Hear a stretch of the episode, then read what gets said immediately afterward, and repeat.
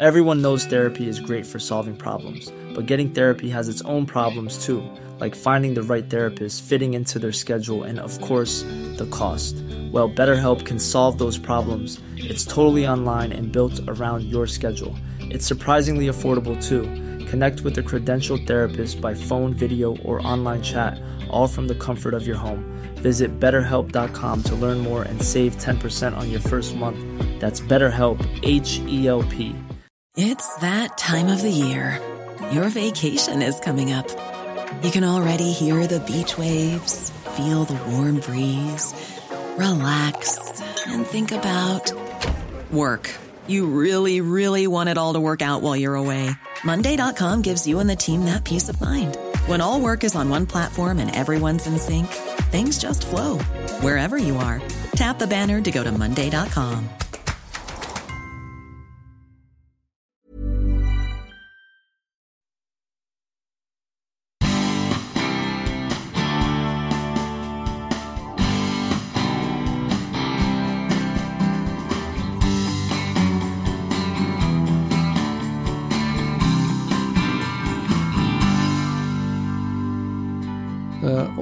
min enkla argumentation i det, det var ju att den killen som står en fredagkväll och ska gå ut och har ett vapen eh, och funderar på ska jag ta med det ikväll eller inte. Ska veta att om jag åker fast ikväll så kommer jag inte hem till lägenheten på tre år. För jag blir anhållen, jag blir häktad och jag åker i fängelse. Eh, det påstår jag är avhållande och, en bra eh, del. Och då såg jag ju hur vice inrikesministern knackade. Det här var förväntat från min sida kan jag säga.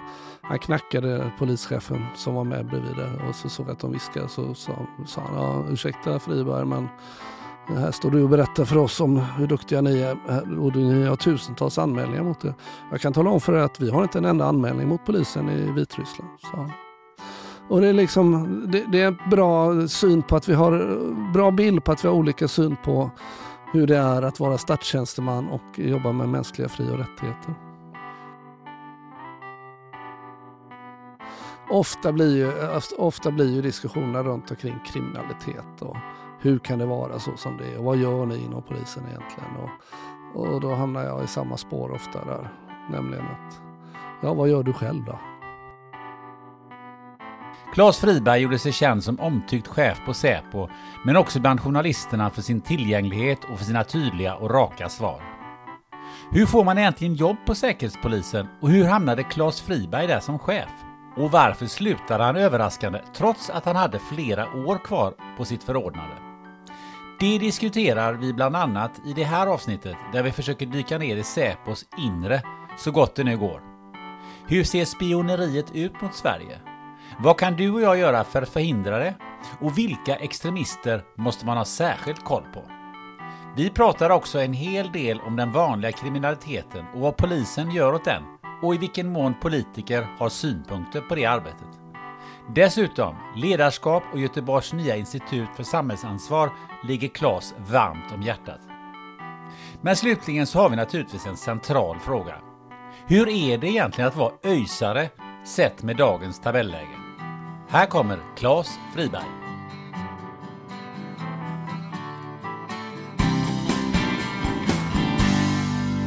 Claes Friberg, välkommen till podden Spännande möte. Tack så mycket, det ska bli spännande. Mm. Eh, hur, hur känns det att sitta i, i en podd så här? För det, gör man lite research på det så är det inte jättemånga poddar eh, som du har varit med tidigare. Det har varit sådär eh, nyhetsprogram av olika slag. Mm, nej, men det har blivit mer traditionella media skulle Mm. jag nog säga i, mitt, i min yrkesutövning. Då. Mm. Sen, eh, nu är jag lite fri sedan drygt ett och ett halvt år så det har väl blivit någon podd här eh, alldeles nyligen för övrigt.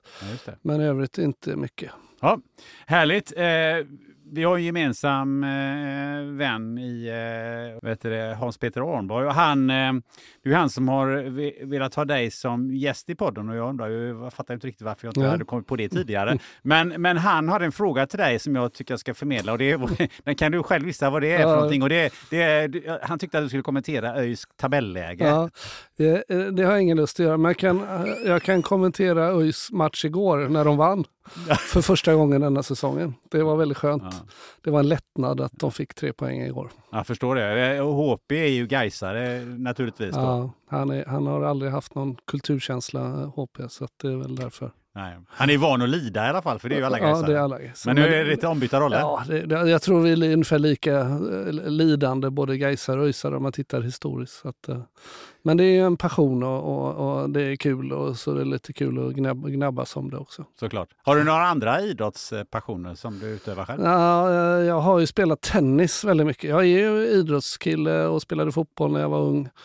Uh, och sen uh, mycket skador som många andra. Uh, och sen när jag läste i Lund så började jag spela mycket tennis där. Av någon outgrundlig anledning hade jag tid där.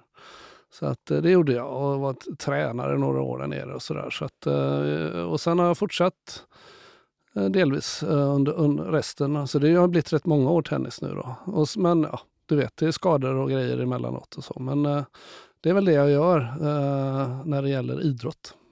Jag hörde i någon intervju, att, eh, som inte var så länge sedan, där du eh, sa det att jag har ganska höga ambitioner med min tennis. Sa det? Ja. ja. jag undrar lite, vad, vad ja, det, är det för ambitioner? Nej, men ambitionerna ligger nog på, alltså inte att, att vinna eller spela stora turneringar eller vinna, utan det är mer att, att min nivå behöver höjas, eh, tycker jag. Eh, och, och, så har jag eh, dåligt eh, humör på tennisbanan åtminstone. Eh, så att det, det, märker alla som spelar med mig, eh, att, att jag har höga krav på mig själv. Mm. Som jag nog aldrig lever upp till egentligen. Men, men det är ett mål jag har att bli betydligt bättre. En, en fundering jag har. hur mycket göteborgare är du? Hur mycket värmlänning är du? Jag är extremt lite värmlänning. Mina föräldrar kommer från Göteborg och är genuina göteborgare kan man säga. Och sen Eh, under 60-talet så flyttade pappa runt eh, med sitt jobb eh, lite grann. Så jag råkade födas i Karlstad. och sen så flyttade mamma och pappa och mina, Hans och Håkan, mina bröder, då, till, då flyttade vi till Skövde. Men 66 så flyttade mamma och pappa tillbaka till Göteborg. så att då hamnade vi och jag i Kallebäck. Hur, hur var var Kallebäck på 60-talet? Ja, men det är lite intressant, för man skulle kunna påstå att Kallebäck är ett miljonprogramområde. Jag, jag roar mig mellan att köpa Göteborgslitteratur och bild, bilderböcker, eller böcker med bilder på Göteborg. Och tittar man 63-64 så var det bara åker egentligen i Kallebäck. Men 66 när vi flyttade dit var det ett bost, flera bostadsområden. Um, det var bara ungar där. Det var verkligen bara barn. Eh, så att eh, jag gick ettan i källaren på Mejerigatan, hade gymnastik i Kappahls gamla lagerlokaler på omvägen. När man hoppade bock slog man i huvudet. Uh, och sen gick jag i baracker i tvåan och trean. Jag säger inte det för det är synd om mig, för det, det är det inte. Uh, och sen när vi skulle börja mellanstadiet så fick de bygga om SO-macken till mellanstadieskolan. Det är den som är Bergendals el nu för tiden när man åker riksväg 40. Så att eh, liksom, det var bara ungar och vi spelade fotboll och landhockey och, och, och sådär. Uh, och hade rätt kul. Vill jag påstå. En bra tid i Kallebäck. SO-macken, det kan ni, ni, kan, ni som inte är från den tiden, ni kan googla på SO-macken mm, ja. är för någonting. Det är ett varumärke som, som, har, eh, som har försvunnit. Eh, när du var barn, vad, hade du för drömmar, yrkesmässiga drömmar då? Ja, jag, jag, egentligen, jag, jag har minne av att jag redan på mellanstadiet sa att jag ville bli advokat. Jag, jag har inte en aning om varför jag sa det. Jag hade väl sett något på tv eller något. Som, eh, så att, eh, eh, men i övrigt så var jag var nog ganska fri från att, att liksom med de tankarna. Och ärligt talat så var det väl att bli fotbollsproffs egentligen då. För jag spelade väldigt mycket fotboll. Eh, som naturligtvis jag insåg att det inte var realistiskt, men, men något hade man väl där åt det hållet. När insåg du det? Nej, men det insåg jag väl eh, egentligen när jag gick på gymnasiet då, när man blev junior. Att, att, eh, jag får nog börja tänka på skolan lite grann nu, tänkte man väl. Och det berodde, det berodde nog på att jag var väldigt mycket skadad och liksom fick aldrig utvecklas som fotbollsspelare. Jag har sagt det några gånger. Naturligtvis med glimten i ögat, men med mycket skämt. Men, men det är klart att, att jag skulle nog kunna vara beredd att ge bort min karriär för en allsvensk match med ÖIS. Alltså, så stor är min passion för både fotboll och ÖIS egentligen. Och det är rätt mycket. Mm. Vi kommer ju in på din karriär, Mm. men det, det förstår ju var och en att det... Vad, vad, vad, kommer, vad kommer det sig? Nej, men alltså det, det vet jag inte. Men, men eh, det är så då att, att jag är tredje generationens öisare. Min farfar hette Sven Friberg. Han var, eh, spelade i ÖIS på 20-talet och var kapten i ÖIS. Eh, han blev stor grabb, det vill säga mer än 40 landskamper. Han var kapten när de tog brons i OS. Han blev dessutom då uttagen i världslaget som världens bästa centerhalvback. Eh, Vilket år pratar vi om? det här var 1924 i Paris. Mm. Eh, och sen så blev pappa eh, fotbollsspelare, han spelade i ÖIS och spelade i A-laget, men på den tiden låg de i division 2 eh, på 40-talet. Han var duktig, det har jag förstått på tidningsurklippen. Även om det är lite komiskt tyckte jag när man läser om pappa i tidningen så står det inte att Stig Friberg gjorde en bra match utan då står det alltid att Sven Fribergs son Stig Friberg gjorde en bra match. Han fick liksom aldrig bli egen utan farfar var så pass stor. Då, så att. Och sen har både jag och mina två bröder då, eh, spelat i ÖIS, som, eh, ja, till och med juniorer och lite i B-lag och sådär. Men, eh, så att det, liksom, ja, det, det är något speciellt med det där. Men det är ingen av dina två brorsor nådde heller? eh? Nej, nej, ing- ingen eh, ända fram så att säga. Förutom att din, din pappa spelar fotboll, men vad, vad jobbar dina föräldrar med? Nej, men eh, pappa var säljare, försäljare. Eh, och mamma var hemmafru ända till vi flyttade tillbaka till Kallebäck 66. Då fick mamma jobb på Lantmännens mjölkcentral, LMC, som sen blev Arla och som idag är ett bos- nytt bostadsområde i Kallebäck. Eh, så att, eh, eh, ja, så det, ingen av dem hade någon akademisk utbildning utan ja, den vanliga utbildningen kan man säga. Då. Men någonstans så tog de här advokatdrömmarna fart på riktigt. Ja, men, men det, det hänger inte ihop sen det Nähä. jag sa på mellan. Nej, det, det där glömde jag nog av sen, men jag har blivit påmind om att jag sa det. Då. Eh, utan, eh, nej, men det var väl det var så att min, eh, jag har två, eller hade två äldre bröder. Hans gick tragiskt bort Eh, 2013. Men, men Håkan, eh, som är sex år äldre än mig, han läste juridik. Eh, och, och det gjorde han väl då när jag gick på gymnasiet. och, och då på något sätt där kände jag väl att kanske det kan vara något. Men, men faktum är att dels jobbar jag efter lumpen lite grann och sen började jag läsa statskunskap på Göteborgs universitet. Eh, för det var jag väldigt, jag var väldigt intresserad av eh, demokratifrågor och, och, och, och uppbyggnad av, av länder och samhällen kan man säga. Eh, men ja, efter något halvår där så tänkte jag det här kommer jag aldrig kunna få jobb på liksom, om jag inte vill bli forskare. Eller något sånt där. Så då, då sökte jag in och kom in i Lund och började läsa juridik 82. Du säger de här demokratifrågorna, och så, är det någonting du har haft med dig eh, eh, senare i livet också? Ja, men det vill jag påstå att det är det. Och, och det var därför jag sedermera kom att, att söka in till polischefsutbildningen. För att eh, jag kände att, att här kan man göra skillnad när det gäller att som statstjänsteman stå upp för de demokratiska värdena i ett samhälle. Det är en ganska tuff, som jag då förutsåg, tuff verklighet att jobba inom polisen. Vilket visar sig stämma också tycker jag. Eh, Så att, eh, och jag är väldigt nöjd med valet att få bli och vara, ha varit en statstjänsteman. Kan man säga så att det, det här är kombinationen av eh, juridiken och det här passionen för, för demokratin som så säga smältes ihop i, det, i, i den yrke, i yrkesvalet Ja, men det, det, det är väl mycket tillfällighet. Att, men, men efterhandsbeskrivningen är, som du gör är, är nog riktig och den har jag väl liksom känt under åren inom polisen. Och, eh, med olika händelser vi har varit inblandade i och jag har varit inblandad i och emellanåt varit ansvarig och chef. Och Till exempel så tycker jag det är intressant och det är fortfarande intressant när det dyker upp i media. Det är ju de här, ja du vet, när, när någon söker tillstånd för att demonstrera Uh, och, och, och den- gruppen eller de personerna har, som vi kanske alla tycker objektivt sett, avskyvärda uppfattningar och, och, och åsikter och så vidare. Men det är ändå vår grundlag som säger att man har rätt att, att yttra opinion. Och det är klart att genom åren har, jag- har man ju emellanåt, tycker jag, som statstjänsteman fått stå upp för det där.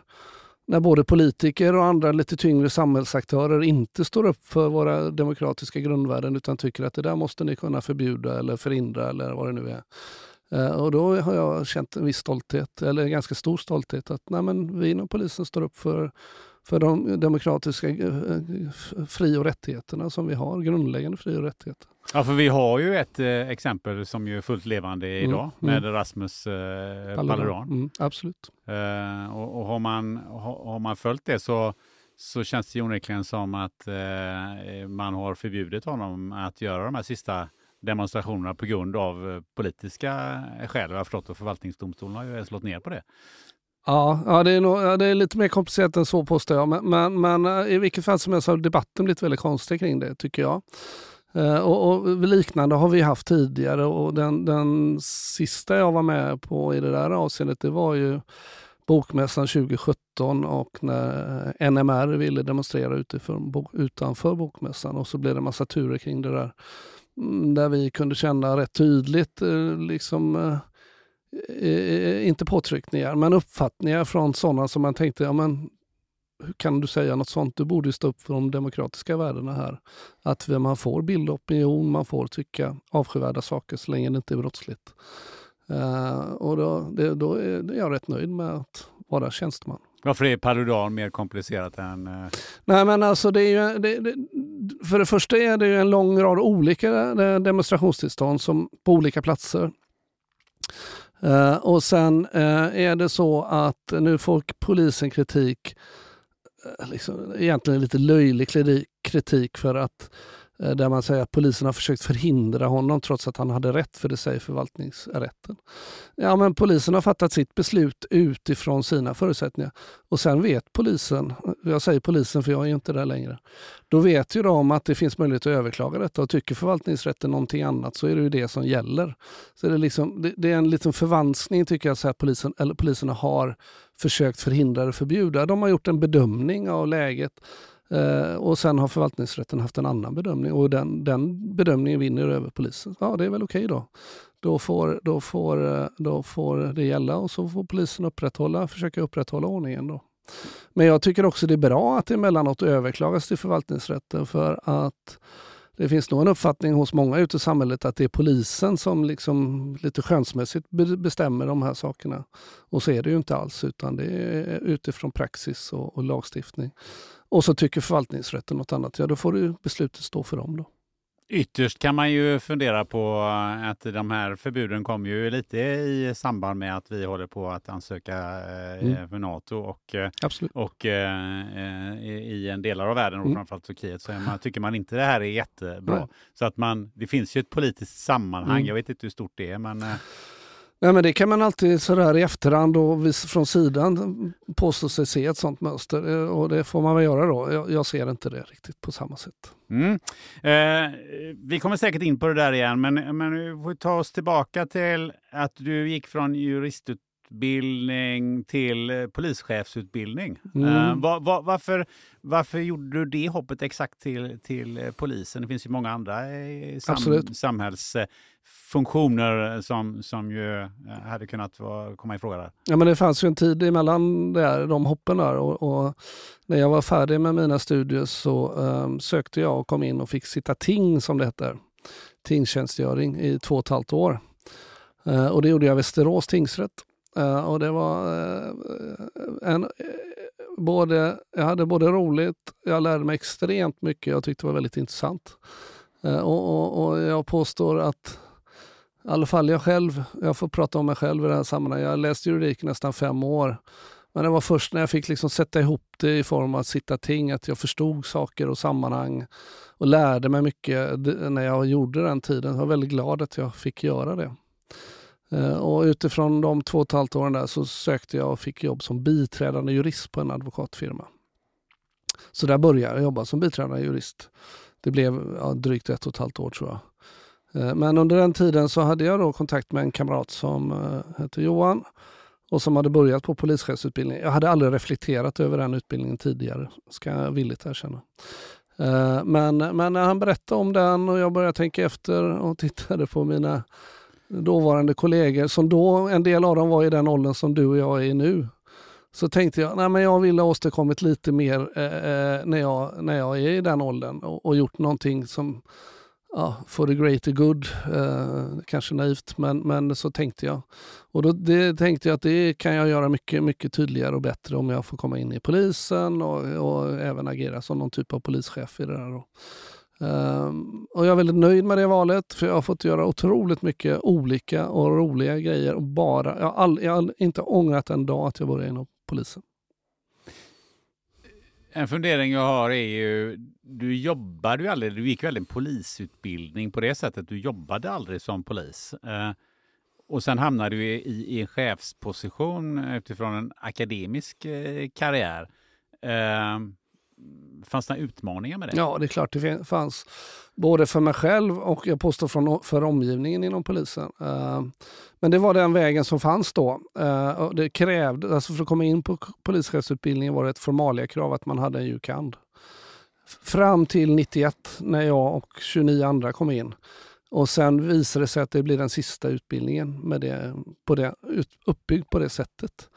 Eh, och där var ju, ja, utan överdrift, av oss 30 var det nog åtta som var i grunden poliser, men som hade läst in sin UCAN under sin studietid. Uh, så att eh, någonstans kom jag väl att känna att jo, jo, men de har vissa kunskaper men jag har lite andra kunskaper men på något sätt förenas vi i det här. Uh, så att jag har nog alltid haft ett ganska gott självförtroende sedan jag började inom polisen att att, och lite utifrån devisen att, att Eh, man som lite högre chef och strategisk chef, eh, man ska inte eh, hamna i villfarelsen om att man blir en bra chef om man kan allting i detalj som sker i den verksamhet man är satt. Utan det viktiga är att man har förståelse och intresse för det som görs och, också lyssna på medarbetarna. Men det är klart, när jag började så, så det, vi hade ju så konstiga titlar på den tiden också. Man började som, med titeln polissekreterare. Förskräcklig titel egentligen, men det var den, var den man hade när man började. Sen blev man polisintendent då, och det är väl lite mer normalt då som fanns. Men, men eh, eh, jag har ändå känt att jag har haft en plats och jag har ändå känt att jag i stora stycken har varit accepterad från början i polisen. Men har du eh, vid några tillfällen varit ute i radiobil jo, men, och, och absolut. och, jag gjorde, känt den här verkligheten? Absolut. Man gjorde dels eh, drygt ett års praktik eh, under utbildningens tid eh, som både radiobilspolis och, och, och spanare och, och, på olika delar inom polisen. Och sen under åren har jag ju naturligtvis varit ute och jobbat med de som är duktiga, både på ordningssidan och, och på spaningssidan till exempel. Och också praktiken var ju på utredningssidan. Så det, var, det var en väldigt fin utbildning den vi hade. Eh, jag kanske, man kan nog påstå att det var säkert en av de finaste statliga utbildningarna som fanns. Som man skrotade. Men, men, men eh, så att, ja, absolut. Hur funkar det efter 91 blir man ju nyfiken på. Ja, men det, det funkade jävligt dåligt eh, och, och det infördes olika system. och, och, och, en av de positiva sakerna var att man fick fler Eh, Eh, inom polis som var jobbade inom polisen att, att liksom ägna sig delvis åt akademiska studier. Mm, det fanns väl krav på att man skulle ha ett visst antal poäng för att komma in på olika typer av utbildningar. Men det var ingen som var så lång, det var ingen som var så gedigen som den som, som vi har gått. Och det har inte kommit tillbaka. Du hade ju ett, eh, ett antal eh, titlar som började med polissekreterare, men det var ju betydligt eh, här, Det fanns en ännu värre kan jag säga. Jaha, var det? Ja, det var under, under, när man gjorde praktiken, då var man polischefsaspirant. ja, just det. Det var ett målfoto, vilket som är värst där. Men, men eh, om du tänker tillbaka, Eh, var, var någonstans, vad, vad minns du mest med, med, med glädje respektive frustration i de, i de här tjänsterna du har haft? Men, det är alltså glädje, men jag minns, jag, jag, kan liksom, och det har följt med mig hela karriären. Det är klart att när, när man som polis gör ett bra jobb, om man, om man har deltagit i en demonstration som har varit stökig men ändå känt att det här löste vi bra ihop. Det kanske har till och med varit väldigt hett och det kanske till och med har varit våldsutövning och gripande. Men vi höll ihop det, vi gjorde det som vår plan.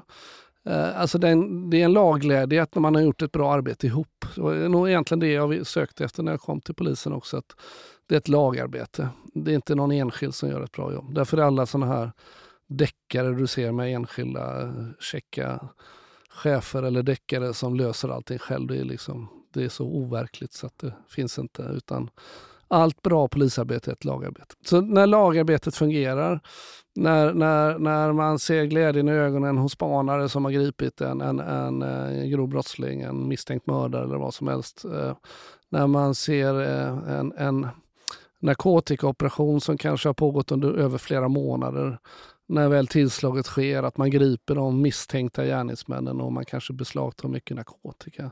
Det är en oerhörd liksom, lagkänsla och, och, och, stolthet som sprider sig hos de som gör det, men också från, från oss som står bredvid eller som är chefer i de här.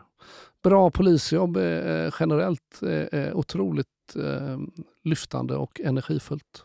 Så några Guld, Gunvald Larsson eh, äh, drömmar hade du inte? Nej, och de där finns på riktigt egentligen bara i böcker. Det finns väldigt många duktiga enskilda poliser. Eh, och det finns många brott har lösts genom liksom smart eget polisarbete eller analys eller tankar eller något annat. Men, men i grunden är det naturligtvis ett lagarbete. Det är mer underhållande bara? Ja, just det. Jag har jättesvårt för att läsa deckare faktiskt. Ja, det förstår jag. Eh, men vad, vad skapade mest frustration? Jag tror att, att eh, det som har skapat mest frustration för min egen del genom åren, det har varit eh, eh, när jag har upplevt att uppdragsgivaren inte riktigt har förstått eh, utmaningarna i polisarbetet. När uppdragsgivaren har löst svåra eh, problem genom att omorganisera, eh, när uppdragsgivaren inte har förstått att vi behöver mer resurser. Ehm, frustrationen i detta, när uppdragsgivaren, vilket var väldigt vanligt på 90-talet och på 00-talet, alltså eh, polisarbetet styrs från regeringens sida genom ett så kallat regleringsbrev. Och hur det, hur det allt blev allt mer detaljerat vad polisen skulle göra. Och vi, vi fångades upp i alla ganska konstiga och kortsiktiga politiska ambitioner eh, som liksom slog undan fötterna från, tycker jag, vårt grundläggande arbete att, att förebygga och eh, förhindra brott. Då. Vem är uppdragsgivare? Ja, det är regeringen. Det är regeringen? Ja, formellt är det regeringen. Eh, men hur är det att vara eh, chef i, inom, inom polisen? Vad är det för typ av ledarskap som, som funkar bäst? Ja, då kan man ju använda sådana här ledarskapstermer då. Eh, generellt så är det egentligen ett situationsanpassat ledarskap som passar bäst.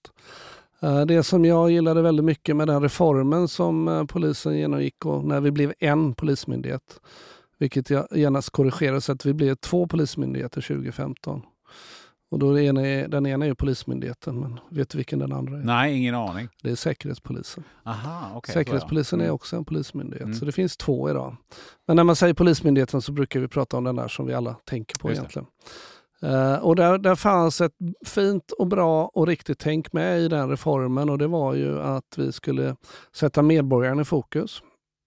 Uh, vi skulle jobba tillitsbaserat och det innebär, och det var regeringens uppmaning, uh, att vi skulle jobba genom att använda den professionella kunskapen som finns i organisationen i större utsträckning, ta tillvara den.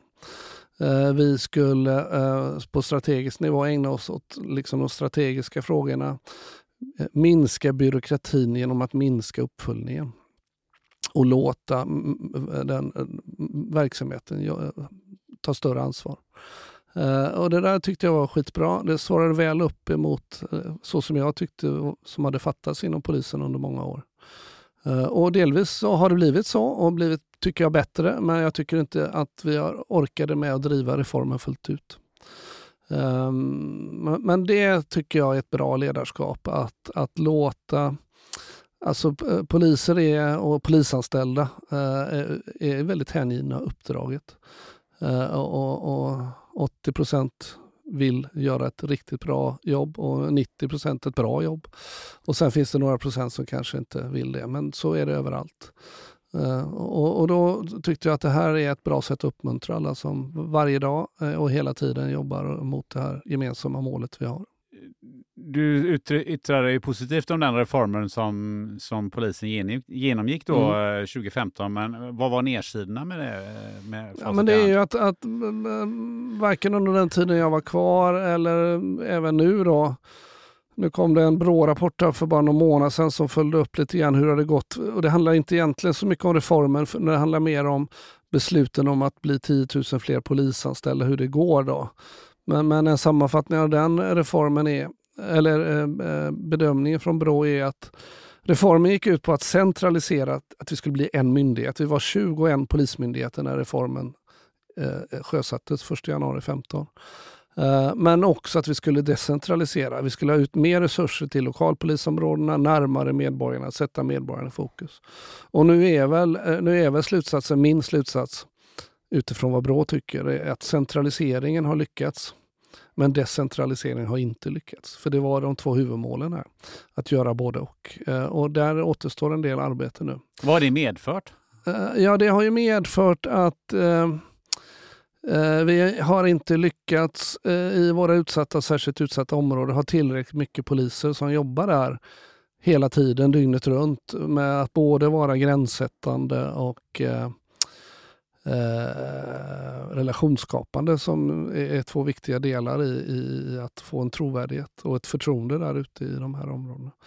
Eh, men nu är det på väg, eh, vet jag, för resurserna ökar ju inom polisen och jag hoppas att det kommer eh, att, att få en bättre effekt framöver. Men hjälper det med fler poliser? För alla, det har man ju pratat om väldigt mycket och den organiserade brottsligheten och brottsligheten överhuvudtaget har ju stått väldigt mycket i fokus. Det var ju så eh, i valet för, för knappt ett år sedan och, och det har ju fortsatt.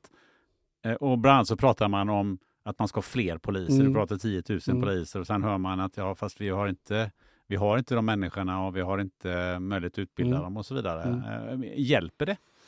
Ja, eh, det är klart det gör. Eh, debatten har ju en tendens att förenkla allting. Eh, det behövs fler poliser. Nu var det inte 10 000 fler poliser utan 10 000 fler polisanställda som var målet och är målet. Och vi har varit under lång tid för lite poliser i Sverige, det är helt klart. Och det hjälper när det gäller att beivra i brottsligheten och det hjälper också på den förebyggande sidan.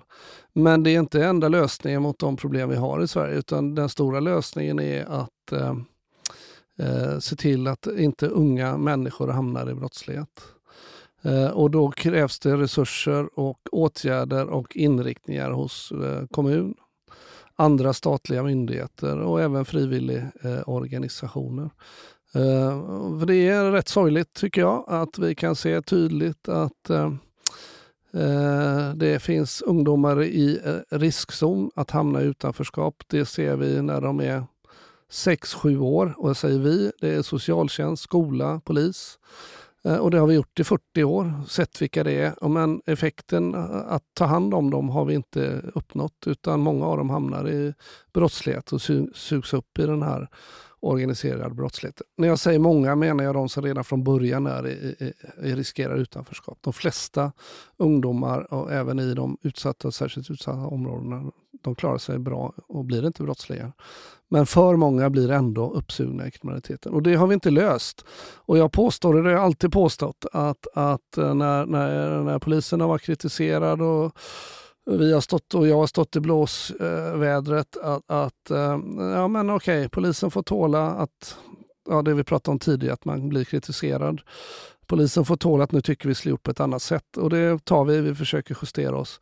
Men det är ni andra som måste se till att det inte står tio bakom varje vi sätter i fängelse. Eller som tyvärr idag, som skjuts ihjäl, så står det fortfarande tio bakom de som skjuts ihjäl för att ta en plats i den här kriminella eh, hierarkin och världen. Uh, och det där, är, är, det där har vi inte löst i samhället och det måste vi lösa uh, på ett mycket bättre sätt än vi har gjort tidigare. Nej, vi har 40 år på oss, säger mm. du. Det har vi vetat om i 40 ja. år. Men eh, varför har vi inte gjort det, ja, det på 40 år? Det är en jättebra fråga. Det finns naturligtvis jättemånga olika delar i svaret på det där. Uh, men när jag säger vi, då menar jag socialtjänsten har sett det, polisen har sett det, skolan har sett det. Uh, och en del har naturligtvis lyckats, men alldeles för många har fått fortsätta ut i det här utanförskapet. Då. Eh, och där finns mycket att göra. Eh, och mycket mer. Jag vet att massor har gjort saker och man har satsat. Jag kan bara konstatera när man tittar på polisens verksamhet att för många väljer att bli kriminella. Eh, någonting som man ju har märkt och som du eh, nämnde här förut att eh, uppdragsgivaren då, det vill säga regeringen och, och politiker, man har väldigt mycket synpunkter på detaljer mm. i hur, hur polisen arbetar. Mm. Det är vattenkanoner ja. och det borde ligga hundra döda, eller inte hundra blodiga demonstranter på mm. andra sidan och det är mm. tårgas och det är mm. massa sådana detaljer. Vad, vad, liksom, vad, vad vet de om hur, hur polisarbetet ska gå till? Väldigt lite. Eh, men de, eh, och det är, det är en utmaning, det är en del av demokratin att, att, att, eh, att de har och ska ha uppfattningar och åsikter, men när de blir så detaljerade utan att liksom vara förankrade i verkligheten om vad som egentligen behövs, så, så naturligtvis är det lite besvärande. Men det är väldigt, då är det väldigt skönt att vara statstjänsteman. Eh, och, och, kunna konstatera att men vattenkanoner har vi inte laglig rätt att använda. Nu kanske det har justerats här, eh, men, men, i alla fall på min tid var det inte det. Eh, och dessutom var det ingen som såg någon operativ nytta av det och det var många duktiga poliser som var ute i världen och tittade på när man använde vatten. Jag såg liksom inte att det här var ett sätt för oss att, att arbeta. Och, och, många andra saker som dyker upp som checka idéer. Det, det, som tur var är det bara checka idéer. jag Dock tror jag att det är så att många förleds att tro att det är så vi styrs. Men det är det tack och lov inte, eller jag säger vi, men som polisen styrs då, utan det, vi styrs genom lag och författning och genom regeringens regleringsbrev. Då. En annan diskussion som har varit uppe det är ju eh, att eh, förlänga straffen och göra dem hårdare. Mm. Funkar det bra? Nej. Det finns, eh, det finns tydlig evidens på att det finns inget samband mellan längre straff och minskad brottslighet. Eh, naturligtvis är det så att de eh, till stora delar eh, inte kan utöva brottslighet när de sitter i fängelse. Det är inkapaciteringseffekten. Men, men i stort så finns det ingen evidens på att det har något samband. Utan emellanåt kan det vara bra med strängare straff. Det, det absolut. Och, och, det finns liksom på marginalen saker att göra. Uh, mitt, mitt eget bästa exempel tycker jag på en bra straffskärpning det var det var uh, olaga vapeninnehav som många av oss i flera år påpekat. Det är inte rimligt att en man som grips av polisen uh, en kväll med ett skarpladdat vapen eh, anhålls och sen släpps eh, för, och sen blir åtalet ja, några månader eller ett halvår, ett år senare. Utan det här måste liksom åtgärdas liksom momentant. Och då måste det höja straffet så att det blir grund för häktning, för det fanns inte tidigare. då. Uh, och det, min enkla argumentation i det, det var ju att den killen som står en fredagkväll och ska gå ut och har ett vapen uh, och funderar på ska ta med det ikväll eller inte ska veta att om jag åker fast ikväll så kommer jag inte hem till lägenheten på tre år. För jag blir anhållen, jag blir häktad, jag åker i fängelse. Eh, det påstår jag är avhållande och en bra eh, del. Eh, men, men, men avvägningen om att göra ett brott och att jag antingen åker fast i fem år eller, eller sju år. Det, det, det, jag tror inte, liksom, och det tycker jag också forskningen visar på, nej, den, det är inte avhållande. Utan det, det som jag tycker vi borde diskutera betydligt mer, det är mer åtgärder på den brottsförebyggande insatsen. Tidiga insatser. Tidiga insatser för att det ska finnas fritidssysselsättningar, att, att ungarna ska få samma möjlighet att lära sig svenska språket. Eh, det, och det ska vara både tvingande men också eh, liksom eh, morot ska finnas för detta för att kunna klara skolan, för att kunna få godkända betygen i nian för att kunna gå till gymnasiet och då vet vi att då får de flesta jobb. Vi har ju det bra i Sverige, vi har en bra arbetsmarknad, har haft i många år nu. Så att eh, eh, det är mycket viktigare än, än, några års fängelse och jag är liksom skeptisk till Tidöavtalets i, sto, i stora delar då, som handlar just om de här sakerna. Det finns vissa bra grejer med. Jag tycker det är bra att, att från och med nu i sommar så får kommunerna en, en lagstadgad skyldighet att jobba brottsförebyggande. Vad innebär det? Egentligen? Ja, men det innebär, egentligen innebär det för mig när jag tänker och, och, kring det där så tycker jag det är ett jäkla stort misslyckande att, att kommunerna ska behöva en lagstiftning för att fatta att de ska jobba brottsförebyggande. Det borde de ha fattat utan en egen lag, eller ny lagstiftning. Eh, men det innebär, hoppas jag, att de tar ett större ansvar och, och att, att man gör satsningarna i, tidig, i tidiga år. Det finns ju en del uträkningar som, som, som säger och då pratar vi eh, ofta pojkar eh, och män. Eh, de som hamnar i utanförskap och i brottslighet, alltså när de är 30-35 år så kanske de har kostat någonstans mellan 35 och 50 miljoner kronor i direkta kostnader. Det skulle man kunna undvika genom den, de kostnaderna och det mänskliga lidandet som de också utöva mot alla de begår brott mot under alla år. Då. Så att, att istället satsa lite mer så att de verkligen eh, har förutsättningar att klara skolan i, i ettan, tvåan, trean med språk och annat. Eh, för det kommer vi tjäna pengar på eh, om man nu vill anlägga den. Men jag ser det mer humanistisk synpunkt. Att ge alla samma möjligheter.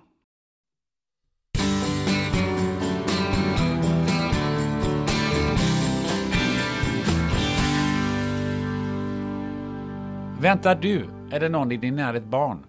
Ja, då kanske ni har funderat på om det finns en sannolikhet att fostret har en kromosomavvikelse. Porrens sponsor Life Genomics erbjuder Harmony NIPT, ett genetiskt fostertest med väldigt hög precision för att upptäcka de vanligaste kromosomavvikelserna. NIPT görs på ett enkelt blodprov från mamman som utförs på labbet i Göteborg. Gå in på hemsidan fostertest.se och läs mer. På fostertest.se så hittar du också din närmaste vårdgivare som erbjuder NIPT-test. Life Genomics erbjuder även andra tester som covid-19 PCR inför exempelvis din resa eller andra möten. Dessutom erbjuder Life Genomics ett kvantitativt antikroppstest för covid-19 som påvisar aktuell immunstatus. Mer information hittar du på lifegenomics.se. Tack Life Genomics!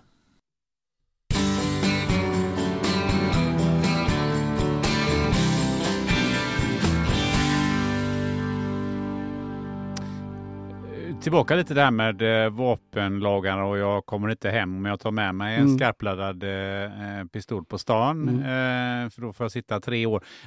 Ändå så ökar ju, om man, åtminstone om man läser media, mm. eh, alltså eh, antalet vapen i mm. Sverige och, och, och, och med så säga, kraftfullare vapen och det är handgranater och, mm. och så vidare det känns inte som att det stoppar riktigt det här olaga Nej. vapenhanteringen. Nej, men tänk om vi inte hade haft den lagstiftningen då? Jo, men vad kan vi göra ytterligare? Ja, det, finns, att, det, det, det, finns ju naturligtvis mer att göra. Det, det som... Jag tror det är, det är massor med grejer eh, och jag har inte svaret på allt det där. Men, men, men eh, insmugglingen av vapen från Balkan är, eh, har varit och är väldigt stor. Och det krävs mer internationella åtgärder för att få stopp på det där nere egentligen. Det finns miljontals vapen. Och nu det, kan man ju vara lite pessimistisk och inse att det finns ännu mer miljontals vapen på, på vift i Ukraina redan nu och sannolikt om och när det blir eh, i alla fall vapenstillestånd kommer finnas mer vapen.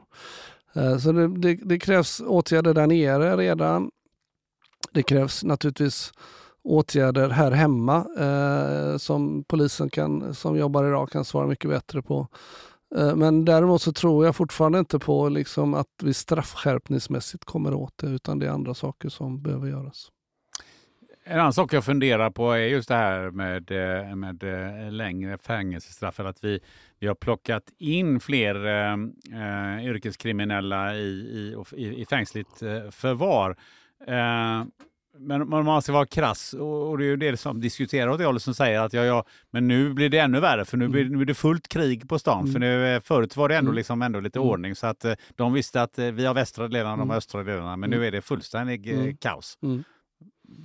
Vad, vad, finns efter det? Eller finns det, är, det, är det till och med så att ja, men vissa ska man nog låta vara ute för att då blir det lugnare? Nej, man kan problematisera ännu mer för att det är inte bara så att, att det blir lite eh, eh konflikter mellan kriminella gäng och om att ta varandras territorium så att säga.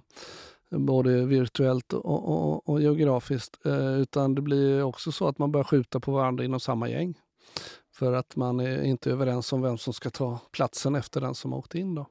Ja, men vad tycker du? Ska vi lägga ner brottsbekämpningen? Nej, det tycker inte jag. Utan jag tror på långsiktighet och uthållighet där. Och jag tror och tycker att polisen gör ett jättebra jobb idag. Eh, och att jag vet att det är rekordmånga, precis som du säger, som eh, både sitter häktade och som blir fällda för grova brott. Och, och, jag tror stenhårt på att det är rätta vägen fram och det kommer liksom, vi måste ha uthållighet och långsiktighet i den typen av brottsbekämpning. Men det måste kompletteras med att se till att inte unga, nya, eller unga människor sugs, sugs upp i den kriminella karriären. Eh, de måste få hjälp av att se att det finns bra alternativ. Eh, för inte så länge sedan så tog du eh, steget från den vanliga polisen in i eh, Säkerhetspolisen mm. som chef på Säpo. Mm. Varför gjorde du det? Ja, det enkla svaret är väl att jag tyckte att det skulle vara, bli, vara spännande att börja på ett, i en delvis ny verksamhet. Jag tyckte att jag hade då jobbat vad det nu kan varit, 27 år inom polisen, att, att in, inom den traditionella polisverksamheten, att det kunde vara bra för mig eh, på det personliga planet att få lära mig en ny verksamhet och dessutom få förmånen att och så här leda den.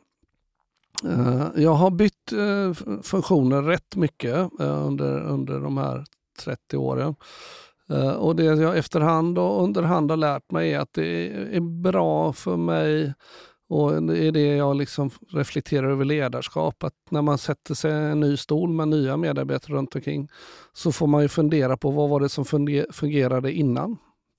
Och hur ska jag få det att fungera här? Eh, eh, och då blir det ledarskapsfrågor man får fundera på hur man både är och utövar dem. Då. Eh, och, det var liksom lite spännande för mig att, att få tänka hur ska jag vara nu när jag kommer till Säkerhetspolisen som en helt ny omgivning Ja, det, jag kände väl några där, men inte så himla många. Uh, omgivningen var relativt ny och verksamhetsområdet nytt. Så det var en utmaning att få testa om jag skulle klara det. Vad var största skillnaden? Uh, största skillnaden, det, det, det finns flera st stora skillnader, men det är ju sättet att arbeta på. Uh, att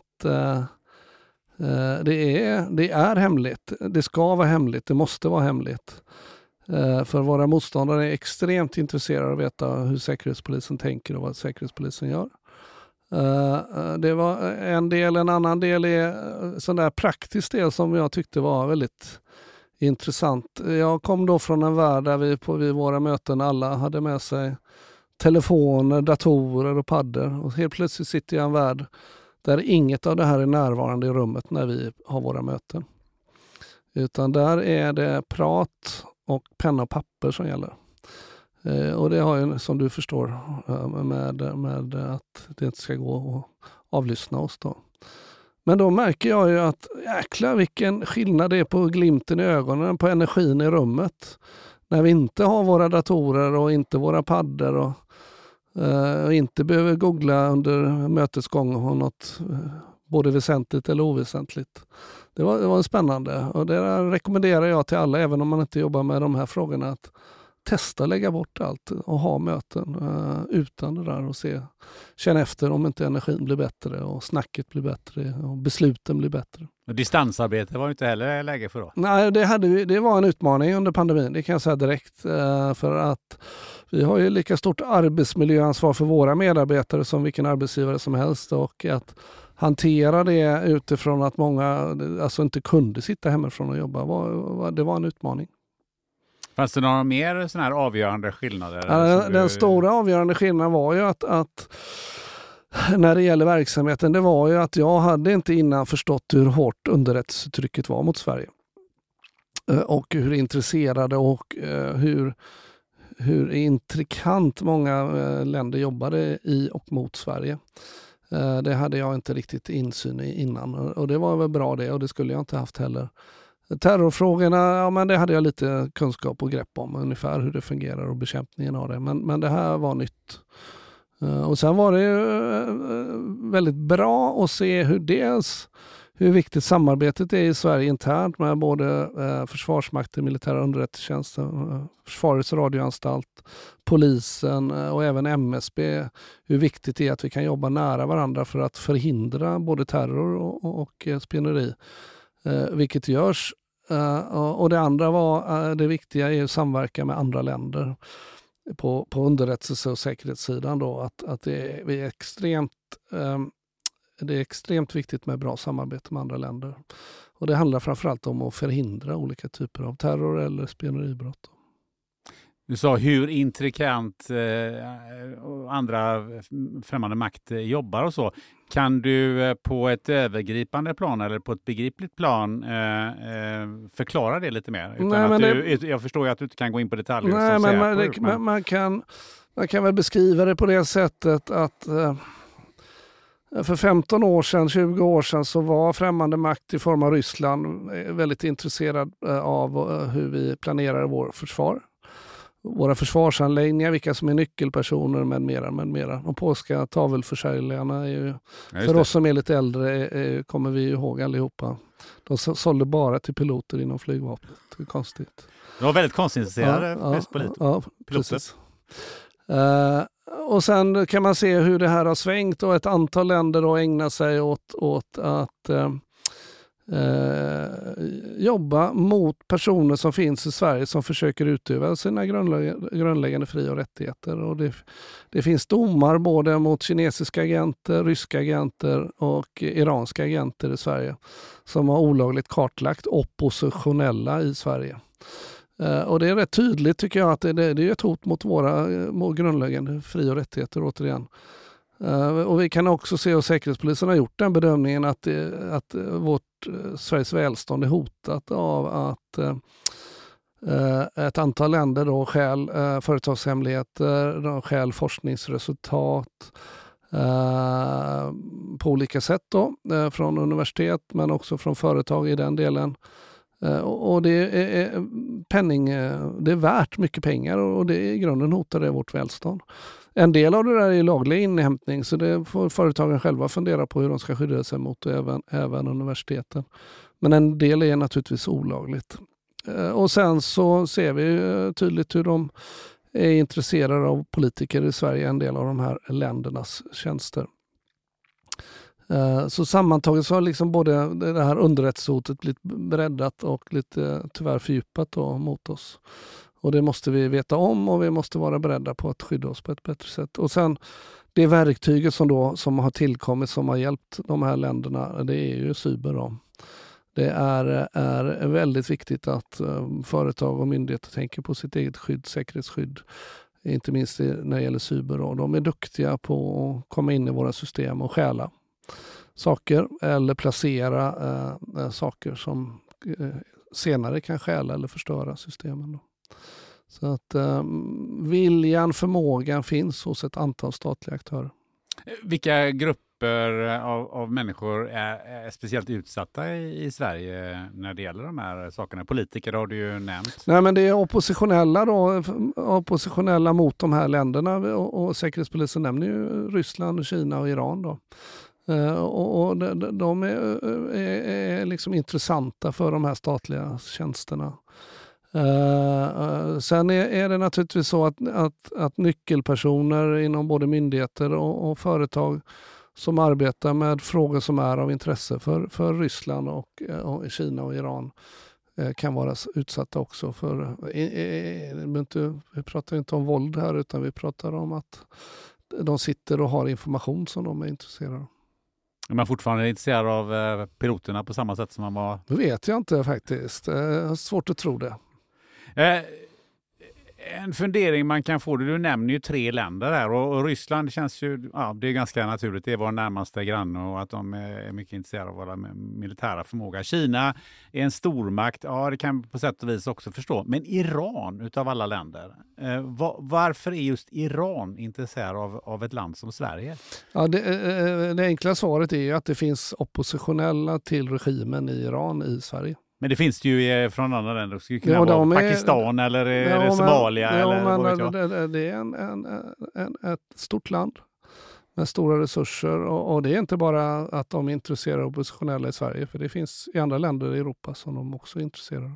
Men är det bara det man är intresserad av? Men är man lika intresserad av, av alltså, teknik och, och andra prylar? Ja, men jag, jag nämner oppositionella, sen nämner jag inget mer. Nej, men okay någonting jag eh, funderat på lite grann, det är ju eh, hur eh, hur skyddar man sig som medborgare eh, mot den här typen av påverkan? Och då, då behöver, det inte vara, behöver inte jag sitta i, som, som ledning i ett Nej. företag eller vara, vara eh, riksdagspolitiker eller vad det, vad det nu är för någonting. Um, för vad jag förstått så vill man ju även påverka eh, oss vanliga människor som, mm. som finns i det här landet. Hur, hur, hur ska jag tänka kring det?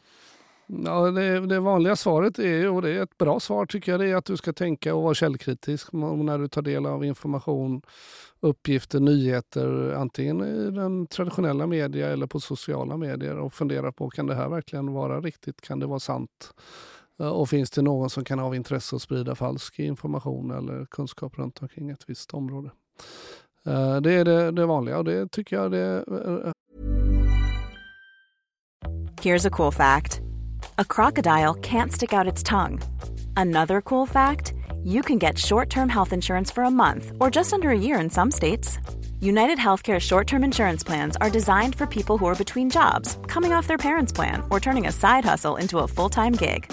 Underwritten by Golden Rule Insurance Company, they offer flexible, budget friendly coverage with access to a nationwide network of doctors and hospitals. Get more cool facts about United Healthcare short term plans at uh1.com. It's that time of the year. Your vacation is coming up. You can already hear the beach waves, feel the warm breeze, relax, and think about work. You really, really want it all to work out while you're away. Monday.com gives you and the team that peace of mind. When all work is on one platform and everyone's in sync, things just flow wherever you are. Tap the banner to go to Monday.com.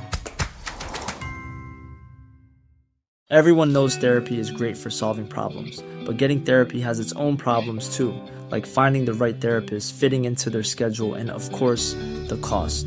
Well, BetterHelp can solve those problems. It's totally online and built around your schedule. It's surprisingly affordable too. Connect with a credentialed therapist by phone, video, or online chat, all from the comfort of your home. Visit betterhelp.com to learn more and save 10% on your first month. That's BetterHelp, H E L P. Håller ganska långt då. Men har du några exempel på hur det kan yttra sig på exempelvis eh, ja, man tänker sociala medier och så. Och, och, hur ska jag kunna vara källkritisk på ett, på ett bra sätt? Ja, men det, det, det, det som har varit aktuellt nu under ett, ett, en, ett längre tag det är ju att det finns eh, en påverkansoperation som handlar om att göra invandrare eh, oroliga eh, över att svenska myndigheter och framförallt då i så fall socialtjänsten tar deras barn. Uh, och, och, det är klart att uh, den, den är påtaglig hur den har påverkat människor uh, i Sverige där, där, faktiskt det finns många som tror att det är så att, att socialen utan så att säga någon som helst grund eller stöd kan komma hem och ta deras barn och sätta dem i någon annans hem eller på institution. Då. Eh, det är väl en väldigt tydlig påverkansoperation. Ehm, det man kan tänka på är ju, är ju att, att ehm, påverkansoperationer från till exempel Ryssland handlar ju också om att framställa Sverige i dålig dager. Eh, och därmed ställa den ryska regimen i en bra dager. Titta vilka problem de har med kriminalitet i Sverige.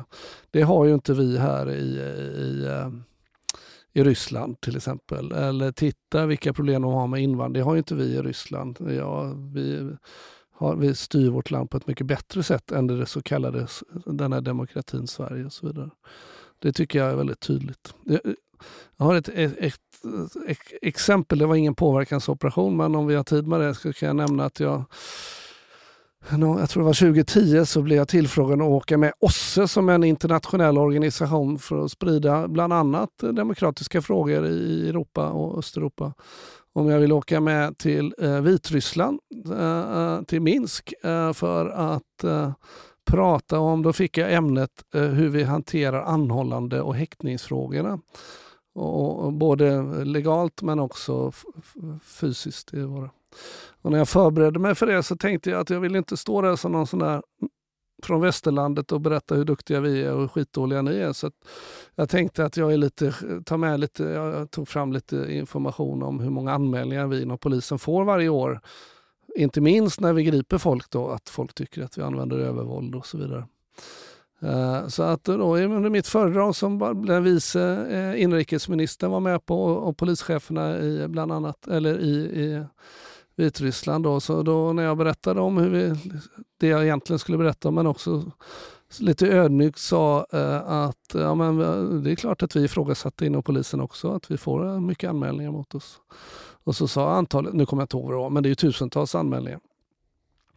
Eh, och då såg jag hur vice inrikesministern knackade, det här var förväntat från min sida kan jag säga. Han knackade polischefen som var med bredvid det och så såg jag att de viskade så sa, sa han, ja, ursäkta Friberg men här står du och berättar för oss om hur duktiga ni är och ni har tusentals anmälningar mot er. Jag kan tala om för er att vi har inte en enda anmälning mot polisen i Vitryssland, sa han. Och det är, liksom, det, det är en bra syn på att vi har, bra bild på att vi har olika syn på hur det är att vara statstjänsteman och jobba med mänskliga fri och rättigheter. Ja, för det där är ju intressant. Eh, eh, om man spinner lite vidare på det här. Eh, eh vilket intresse har eh, de här makterna också när det gäller eh, polariseringen eh, i Sverige? Alltså att försöka hitta som ytterlighetsorganisationer eller polarisering mellan människorna. Eh, men en, en, men en övergripande strategi från Ryssland är ju att splittra. Det gäller till exempel att splittra Europa. Eh, jag utgår från att Brexit är en våt dröm för Putin. Eh, det gäller att splittra inom Europa, det gäller att splittra EU. Eh, så att allting som kan uppfattas som att det splittrar till exempel Sverige är bra för dem. Uh, och jag liksom påstår inte, och har inga belägg heller för att de spär på detta på något sätt utan de är så nöjda med när, när, det blir saker som vi inte är överens om i Sverige och kanske blir lite hårda tag. Uh, och, och, sen uh, eh, Paludan är ju säkert ett strålande exempel på det. tycker de är skitbra när det, sånt här händer. Då. Det tyder ju på att vi är ett svagt land som inte kan hålla reda på den här typen av frågor. Uh, för, tycker de. Eh, och då, och då, då, blir det en polarisering i Sverige. Det tycker de är jättebra. Covid var ju väl också ett, eh, ett bra exempel på att man kunde använda sig av olika metoder för att för att splittra eh, människor i, bland annat om man ska vaccinera sig. Ja, ja nej, det fanns ju tydliga påverkansoperationer i det där. Som, man, som, ja, en del levde ju sitt eget liv men i grunden tycker de det är bra när vi inte är överens. Eh, en fundering jag har, eh, du sa att du eh, tog jobbet på Säpo. Hur får man, en, du fick ett erbjudande mm. att få jobbet på Säpo, mm. men hur får man jobb på Säpo? Hur går det där till? Generellt eller ja, när jag fick det? Med ja, det? inte när du fick det, utan mer liksom, hur, om jag säger så här, hur får jag jobb på Säpo? Ja, men du, då går du in på deras hemsida uh, och så kan du se att där finns till och med lediga jobb idag. Uh, och så söker du det. Uh, annars så kan du nog söka dit utan att du hittar något. Uh, du kan anmäla ditt intresse för att jobba på Säpo. Vem får inte jobb på Säpo? Ja, det, det, alltså det, det, finns ju vissa krav då. Man måste klara vissa säkerhetsklassningar beroende vilka arbetsuppgifter du ska ha på Säkerhetspolisen. Då. Så att det är väl likt det som samma krav som du börjar inom polisen egentligen. Eh, men, men äh, säkerhetsklassning för vissa delar som är rätt djupgående då när man, innan man får det jobbet. Då. En historia som ju har rullats upp här på senare tid och jag vet inte hur mycket du kan säga om det men jag, jag är onekligen nyfiken när jag har läst om det. Det är ju de här två iranska bröderna. Eh, vad heter de? Peyman och Peyam Kia.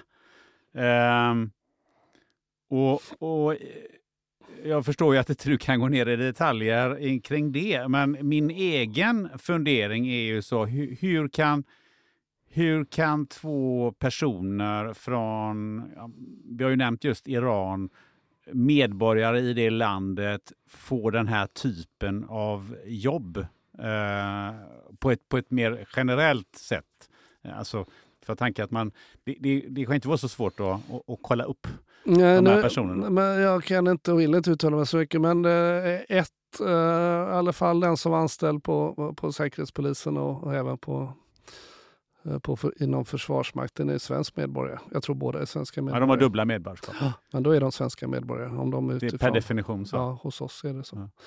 Uh, så att det är inte så konstigt. Uh, sen är det så att, att uh, generellt så är det klart att Säkerhetspolisen som jobbar mot en lång rad länder eh, och behöver ha kunskap om de länderna också är intresserade av att få in både språkkunskap och, och kulturell kunskap om andra länder. Så eh, jag är väldigt glad att Säkerhetspolisen inte är rent etniskt svensk eh, utan att det här finns olika typer av bakgrunder hos personerna som jobbar där. Det är väl så, så att det, det, är inte så enkelt så att man bara för att någon kommer från ett visst land inte ska kunna anställa dem på Säkerhetspolisen. Jag bara relaterade till när jag var eh, i min ungdom, 20 plus sådär. Så, så hade jag en kompis som faktiskt jobbade på Säpo. Mm. Jag har ju tysk bakgrund mm. och han, rätt eller fel, men han berättade för mig att du skulle aldrig få jobb på Säpo, du som har tyska föräldrar och kommer därifrån. Det kanske har förändrats över tid? Ja, det har verkligen förändrats över tid en grej är ju just det här som jag varit inne på. Jag, jag kan inte berätta det här och jag kan inte berätta det här. Och, och det är mycket som är hemligt. Mm.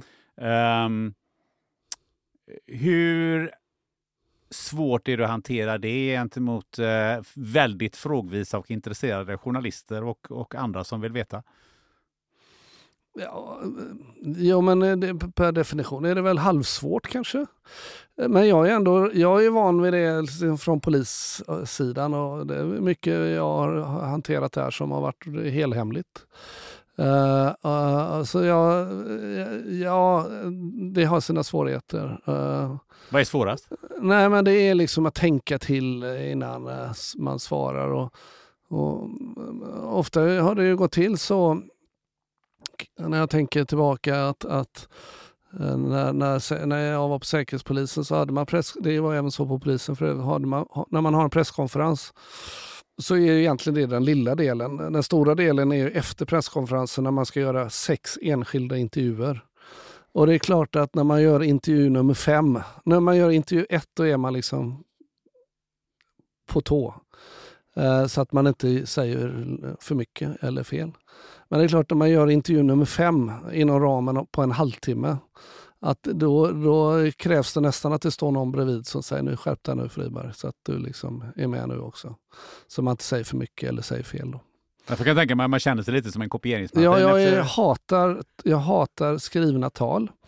Uh, jag, jag, tycker att det, jag, det är det värsta jag vet, att lyssna på folk som läser innantill.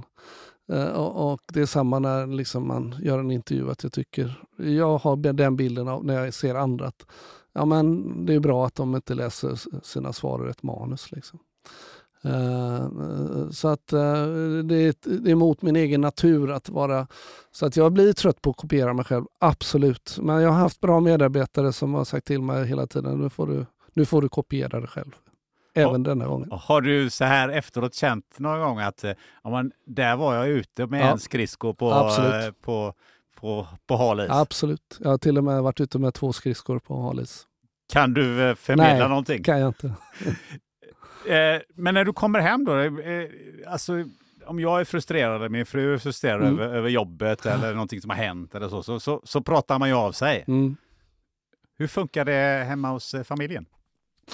Ja, det får du fråga Lena om. Men eh, för min del så upplever jag att Lena har tröttnat för länge sedan för att ställa frågor till mig, för hon vet att hon får inga svar. Eller i alla fall inte den djupet på svaren som hon kanske skulle vilja ha. Man får lära sig att prata om jobbet i lite mer generella termer. Och, och, och jag tycker att för min, min del har det varit viktigt att både jag själv och Lena har, vet om vilka medarbetare jag har och liksom, så kan man mer prata om allmänmänskliga saker, hur medarbetarna mår och vi kanske träffas ibland i olika konstellationer och så vidare. Så att, uh, nej, men jag, jag har inte upplevt det som någon svårighet faktiskt. Det kanske tyder på svaghet hos mig själv att jag inte liksom upplever det. Men, uh, men uh, och Lena är, är, har liksom förstått att sedan länge, lång tid tillbaka att det är ingen idé att ens försöka. Hur är det att gå på, gå på party? Ja, det, det, är ju, eh, det är ju risk att man hamnar i samma hörne hela tiden. Eh, att, att eh, ja, men, folk är naturligt intresserade av de frågorna även när jag jobbar inom polisen och kanske ännu mer inom säkerhetspolisen. Äh, man lär väl sig hantera det också. Men ofta blir ju, alltså, ofta blir ju diskussionerna runt omkring kriminalitet och hur kan det vara så som det är och vad gör ni inom polisen egentligen? Och, och då hamnar jag i samma spår ofta där Nämligen att, ja vad gör du själv då? vad gör du själv? Hur mycket engagerar du dig för de ungdomar som är i glid?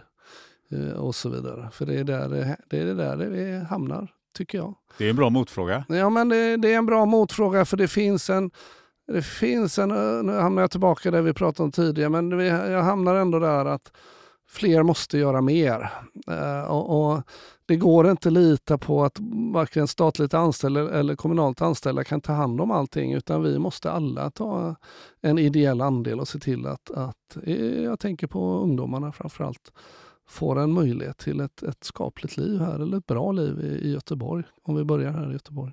Innan vi lämnar partyt, party mm. brukar det serveras alkohol. Ja. Hur hanterar man det? Ja, men det måste man ju hantera och förstå och så vidare. Då. Men uh, uh, jag upplever nog att jag, det sitter så djupt i mig att inte avslöja något eller säga.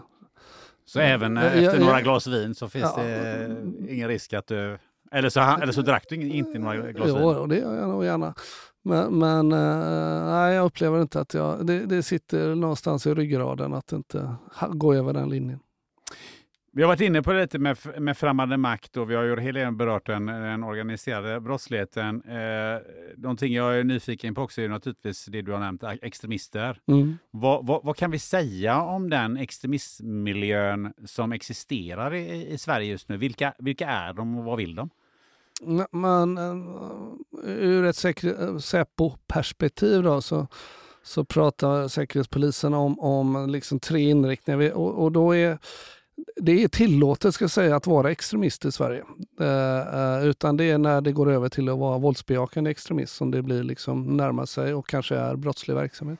Men, men eh, Säkerhetspolisen liksom ser eh, den våldsbejakande högerextremismen, det är en del, våldsbejakande vänsterextremism och våldsbejakande islamism. Och sen finns det andra på den där skalan. Det är inte riktigt, det är aldrig så enkelt, men, men som byråkrat måste man dela upp det lite grann.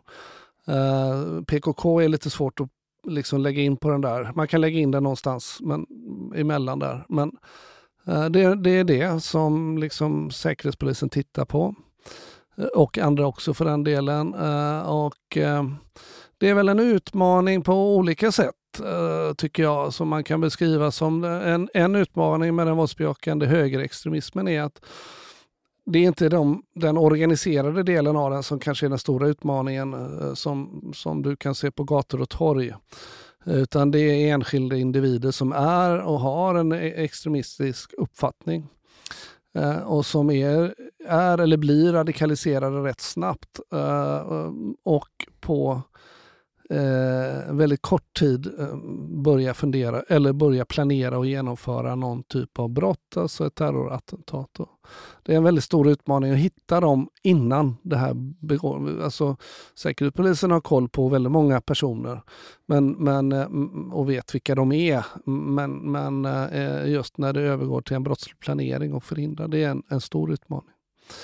Eh, jag tycker att när det gäller den våldsbejakande islamismen så Eh, har jag ju försökt beskriva och varit ganska frustrerad som chef eh, när det gäller eh, oron över de som kom tillbaka från, eh, från eh, IS och, och, och al-Qaida-verksamhet. Och det vet du säkert att det var 300 som åkte iväg ungefär från 2011 till 2014 ungefär. Och nu är det väl ungefär 150 som är tillbaka. Då. Och det har ju alltid varit en stor oro hos politiker, hos eh, journalister journalister att när några har kommit tillbaka. De kommer ju, och nu är, jag tror inte det kommer tillbaka så många mer nu. Jag tror inte det. Uh, men det var inte många som ställde sig frågan att de här personerna blev, alltså då var oron stor för dem. Säkerhetspolisen och polisen gör ett bra jobb tycker jag och jag och vi försökte men vi har lite koll på det men vi kan inte fängsla dem för det, de är inte misstänkta eller i alla fall inte fällda för några brott. Uh, och så var det oroligt för detta hos många, då, inte minst politiker. Eh, men vad ingen reflekterade över var att de hade blivit radikaliserade i Sverige, i miljöer. Och det kan jag tala om att de miljöerna finns kvar, eh, eller fann, eh, ja, när jag var där i alla fall. Jag vill nog påstå att de finns kvar nu också. Och det är ingen direkt som har jobbat med de här miljöerna. Säkerhetspolis och polis har gjort sina saker. Men det här är också en samhällsfråga, att, att ta hand om eh, eh, grogrunden för att bli så radikaliserad att man väljer att åka iväg. Då. Och där behöver vi göra mer i Sverige. Och jag påstår att det är inget polisjobb och det är inget säkerhetspolisjobb till stora delar, utan det är ett samhällsjobb. Då hade vi de högerextrema och så islamisterna, så Mm. hade vi en tredje grupp. Ja, vänster, våldsbejakande vänsterextremister. Vad kan vi säga om dem? Nej, men man kan väl säga att, att eh, traditionellt sett så brukar det vara så att när våldsbejakande högerextremismer blir starkare, det blir den våldsbejakande vänsterextremismen starkare. Liksom. Eh, och vi har ju, och det, det har vi många exempel på genom åren, inte minst här i Göteborg, när de har slagits med varandra och misshandlat varandra och till och med försökt mörda och mördat varandra. Eh, ehm, mm, eh, men, men just nu då så, så tror jag inte man kan se att vänster, den våldsbejakande vänsterextremismen riktigt är på den nivån som den våldsbejakande högerextremismen är. De verkar inte vara så ensamagerande i alla fall. Nej, det, Inte vad man har sett utåt. nej, det är precis. Ehm, om vi tar oss från dem ändå in, lite in på den här grova brottsligheten. Vad är det, vad är det, eh, på, på vad sätt jobbar Säpo med den grova organiserade eh, brottsligheten? För den har ju inget, den har inget politisk eh, bakgrund och det är till stor del, antar jag, att det är en vanlig polisiär uppgift Ja, det är, det är absolut i huvudsak en, en, en uppgift för den öppna polisen. Vad, vi, vi, vilken uppgift har, har Säpo någon uppgift att jobba med den organiserade eh, brottsligheten? eh, ett, något, liksom det riktiga uppdraget att jobba med den organiserade brottsligheten har inte Säkerhetspolisen. Inte ens de mest eh, farliga typerna av organisationer. För man ser Mm, ju det- att det börjar organisera sig och, och genomsyra samhället. Att det finns en samhällsfara mer än att man bara ska säga Jo, men, men alltså, om, det, om det är ett hot mot rikets säkerhet, då, då är det en uppgift för, för, för Säkerhetspolisen också. Om vi ser på den allra grövsta eh, organiserade brottsligheten, hur, hur farlig är den eh, för samhället om vi tittar lite framåt? Tycker du? Ja, man, man måste eh, man får relativisera lite grann och titta eh, i omkringliggande värld och annat. Den, den är, eh, jag vill ändå säga att den är allvarlig. Jag brukar drista mig till att säga att det är otroligt bekymmersamt med det dödliga våldet mellan kriminella gäng och inom kriminella gäng och att så många sköts till döds eh, 2022. Eh, det är jag orolig för, det behöver vi göra mer och jobba med. Men det jag kanske är ännu mer orolig för är att eh, den organiserade brottsligheten finns i många andra skepnader än i de här gängen som skjuter på varandra. Och jag påstår erfarenhetsmässigt att, att de är så smarta och kloka så att de avstår från dödligt våld i sin verksamhet. De är nog till och med beredda att ta lite förluster i geografin, eh, kriminella geografin och annat eh, för att inte bli inblandade i dödliga våldet. För nu är ju rättsväsendet, nu är ju polisen extremt inriktad mot det dödliga våldet, med rätta. Men jag är eh, orolig för att narkotikasyndikat eh, som eh, tjänar mycket pengar nu eh, och, och där, där polisen inte orkar eller har möjlighet att följa upp det på det sättet som man kanske hade gjort om vi hade sluppit det dödliga våldet. Eh, att de bygger sig väldigt starka nu och och att också ekonomisk brottslighet.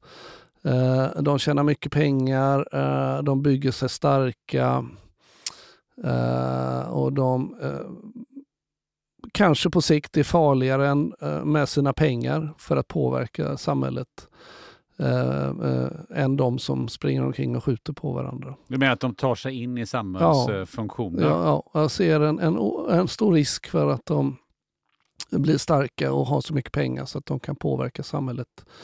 Eh, och att de också eh, i den kriminella eh, förtjänsterna de gör investerar i så kallad vit verksamhet och, och, och transformerar sig och blir jättesvåra för polisen och ekobrottsmyndighet och andra att komma åt. Hur ser de investeringarna ut i vit verksamhet? Vad, Det kan vara vad som helst skulle jag vilja säga. Alltså köper aktier i bolag eller tar över bolag? ja, eller? ja.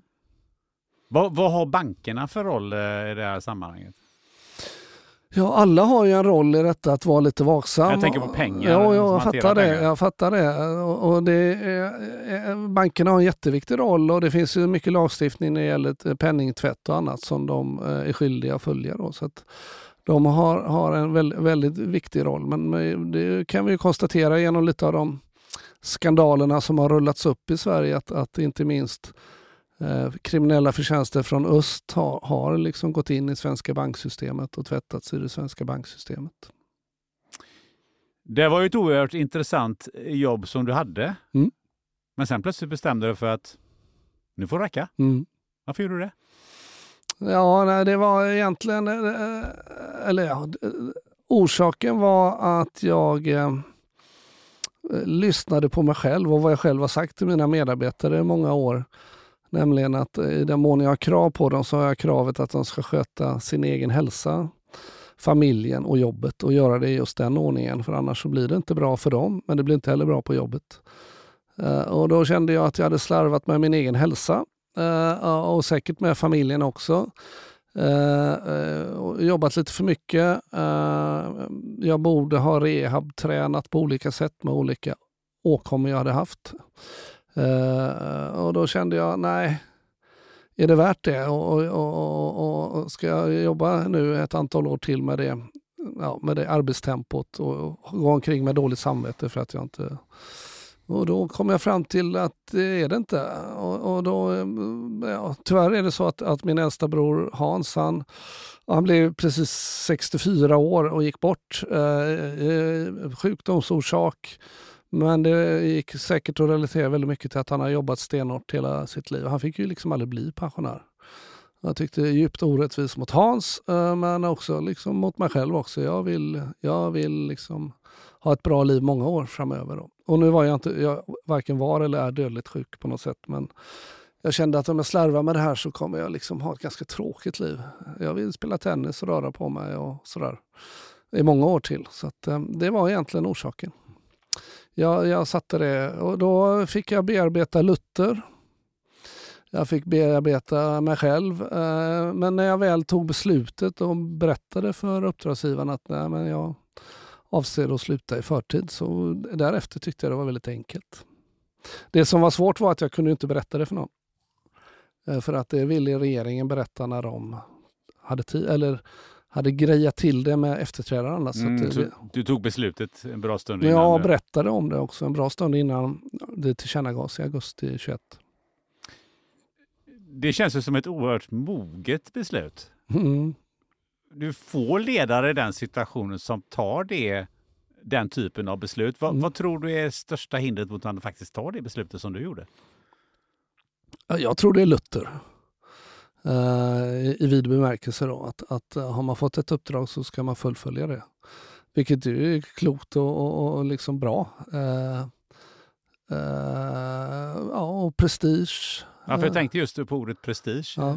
Alltså, du har ju så det, det, något av de högsta jobben du kan ha inom ja, ditt skrå. och, och, är ett, ett otroligt, vad ska vi säga, intressant jobb. Många skulle väl säga spännande jobb och det var det ju på många sätt. Men, men det finns vardag även i att vara chef för Säkerhetspolisen. Eh, kan jag säga. Eh, Absolut. Nej, men det är säkert eh, Luther och prestige och lite annat som spelar roll. Eh, Att inte ta de besluten. Det finns ju andra som gör det naturligtvis. Så att eh, jag är inte ensam om det. Jag skulle vilja dra en parallell där till en elitidrotts... En eli- elitidrottare Mm.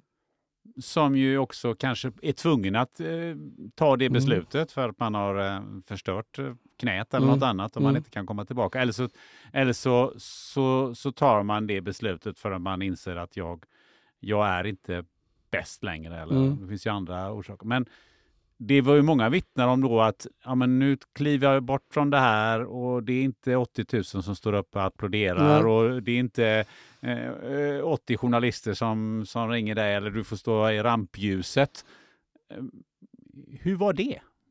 Ja, det är naturligtvis en bra fråga. För att nu har det bara gått ett och ett halvt år eller drygt. Ja, men det, tiden närmast måste ju ändå ha Jo, eh, det var det. Eh, tyst i telefonen. Ja, och- ja, absolut. Och jag kan säga det. Eh, att sluta på Säkerhetspolisen har eh, eh, några nackdelar också. En nackdel var ju att alltså jag kan inte prata med mina kamrater där om det som jag vill prata om. För jag, de kan inte berätta något för mig. För det går inte att berätta sånt på telefon. Och så jag är ju extremt nyfiken och, och har en ostillad nyfikenhet i många frågor som jag skulle ha lite svar på. Men det får jag leva med att jag inte får.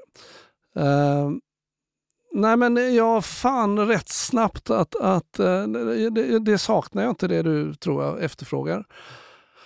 Eh, men sen så kom jag liksom, eh, kom en insikt att jag vill göra grejer ändå framöver här och, och då, då är det en, jag har en väldigt tydlig röd linje i det jag gör och det är det att, vi har varit inne på det tidigare här nu i samtalet, att jag tycker fler, jag har alltid tyckt att fler ska göra mer, inte minst när det gäller att, att se till att eh, minska den organiserade brottsligheten. Så att jag påstår att allt jag gör idag är på flersidan. Jag släppte brottsbeivrande delen eh, eh, och det ska jag göra. Eh, utan nu är jag på flersidan så att jag har några styrelseuppdrag och det är verkligen är saker som har betydelse för antingen minska brottsligheten eller, eller öka säkerheten i Sverige i de bolagen. Eh, och eh, sen så får jag vara ute och prata om ledarskap. Det tycker jag är intressant. Eh, bra, jag lär mig mycket av det.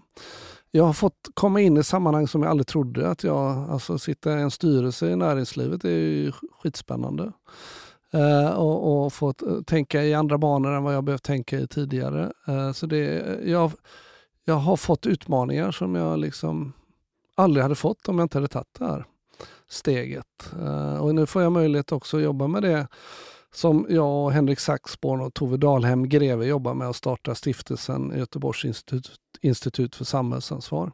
Det ska vi prata om lite grann, mm. men eh, jag funderar på, det var alltså, telefonen kanske inte var så tyst eh, som jag sa att den hade tystnat. Det, fanns det många andra som ringde och sa att nu, nu är han ledig, nu kan nej, han få jobba med det här Nej, istället? jag fick ett, ett gott råd av en, en, en klok person som tio år tidigare hade gjort ungefär samma sak som jag, fast från en, en helt annan roll. Och han sa det, du ska inte tro att det bara ringa. Utan vill du göra saker så måste du liksom ligga på lite själv och, och, och styra upp det med en gång. Eh, och i den omfattning du själv vill. Men det kom, och det var sant, det var inte många som ringde. Eh, utan jag fick liksom lägga ner lite krut på och, och tala om eh, för vissa och hade samtal med, med en del Eh, eh, personer och bolag här i Göteborg att jag var intresserad av att prata ledarskapsfrågor eh, med mera. Och, och, och, så, och sen har det liksom, nu tycker jag, nu får jag säga nej. För jag vill inte jobba mer än ja, 20-30 procent kanske av tiden. Det är nog lite mer just nu, men, men över tid inte mer. Hade man lite dålig fantasi? För jag menar det är ändå så, du har jobbat inom, inom det här mm. skrået och, och jobbat med säkerhet och mm. så vidare. Det måste, vi ha, det måste finnas hur många som helst som Man kan tro det, men, men det var det inte, visade det sig. Nej. Uh, uh, så att, men nu är det precis lagom. och svaret på frågan, nej jag saknar inte det. Jag tycker inte att i någon del. Nu har jag ändå gjort lite media sen jag slutade då.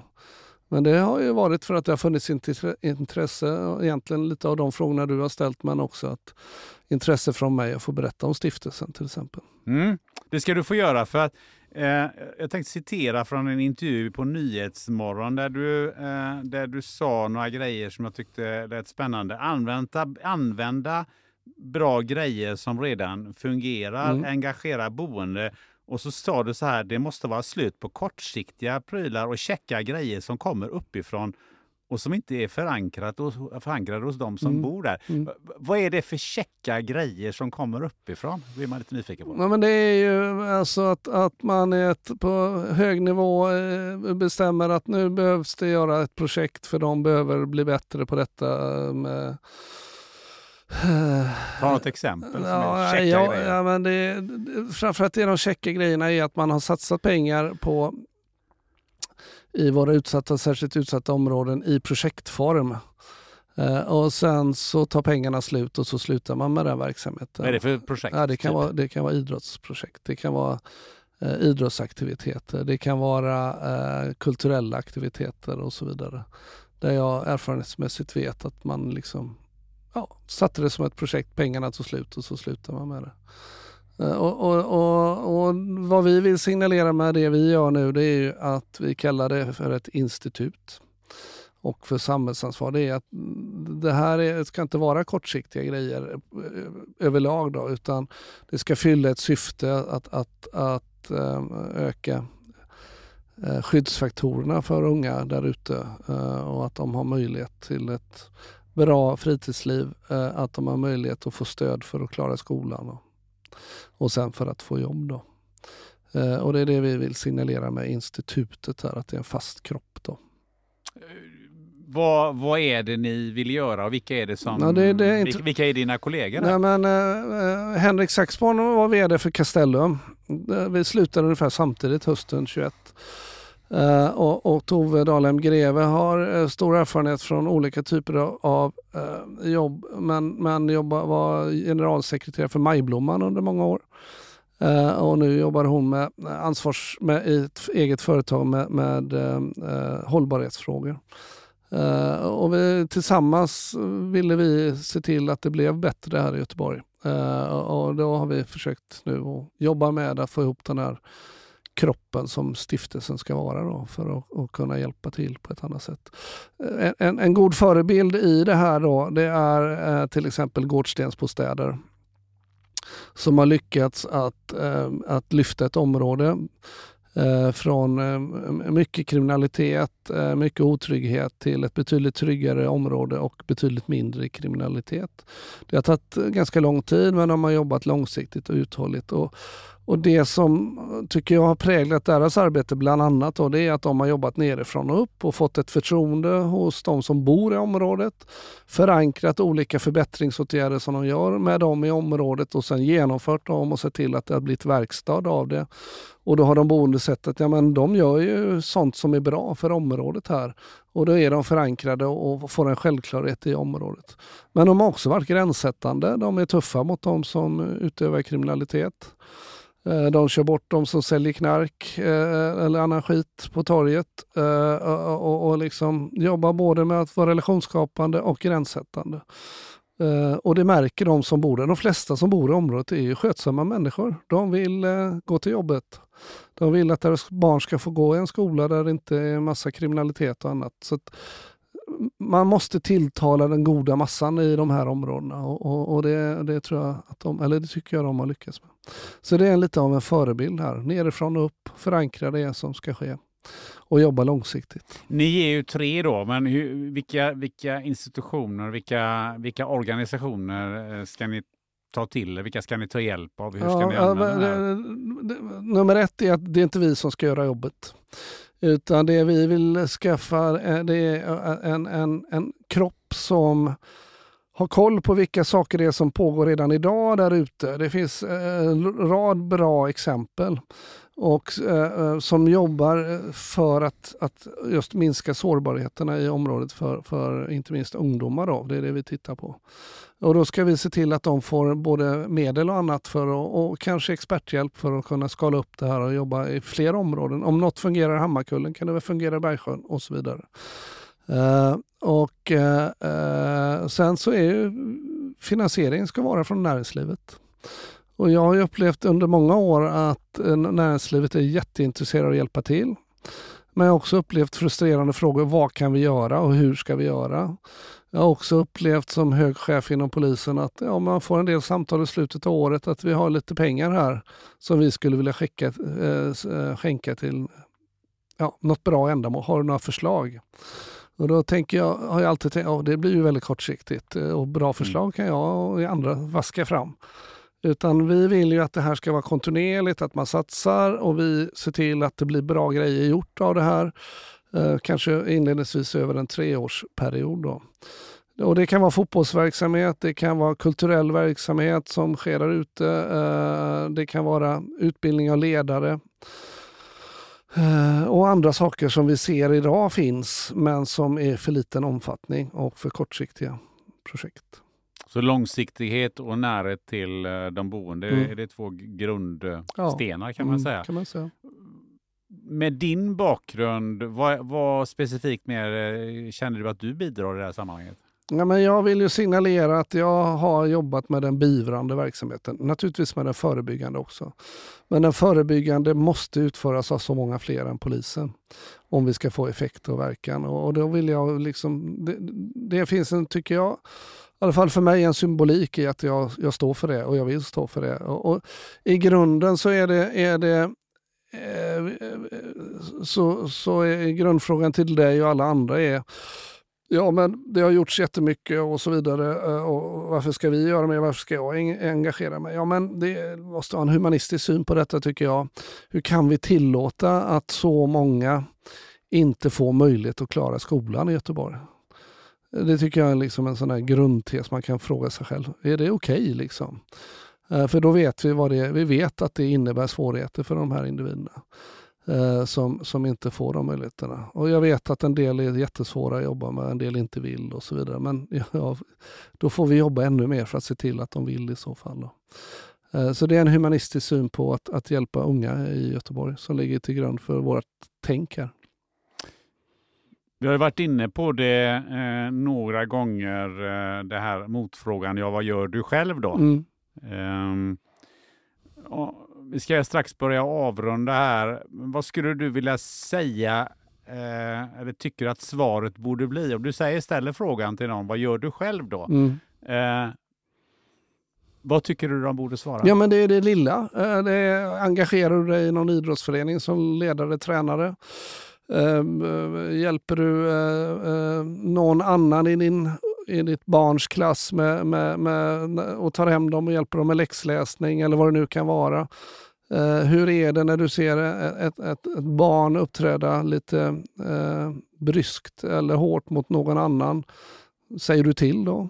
Är du gränssättare i samhället? Är du, är du, är du en sån person som, som vill att det ska fungera bra för andra? Engagerar du dig i det lilla? Behöver inte engagera dig i det stora. Eh, Men, men jag påstår att det är nödvändigt att vi alla engagerar oss lite mer för att inte minst ungdomar som är på väg ut i riskzonen, de behöver någon som, som pratar med dem och, och är en god förebild för dem hela tiden. Och det, det är inte bara statliga tjänstemän eller kommunala tjänstemän som kan leva upp till det påstår jag, utan det är många fler som måste göra det.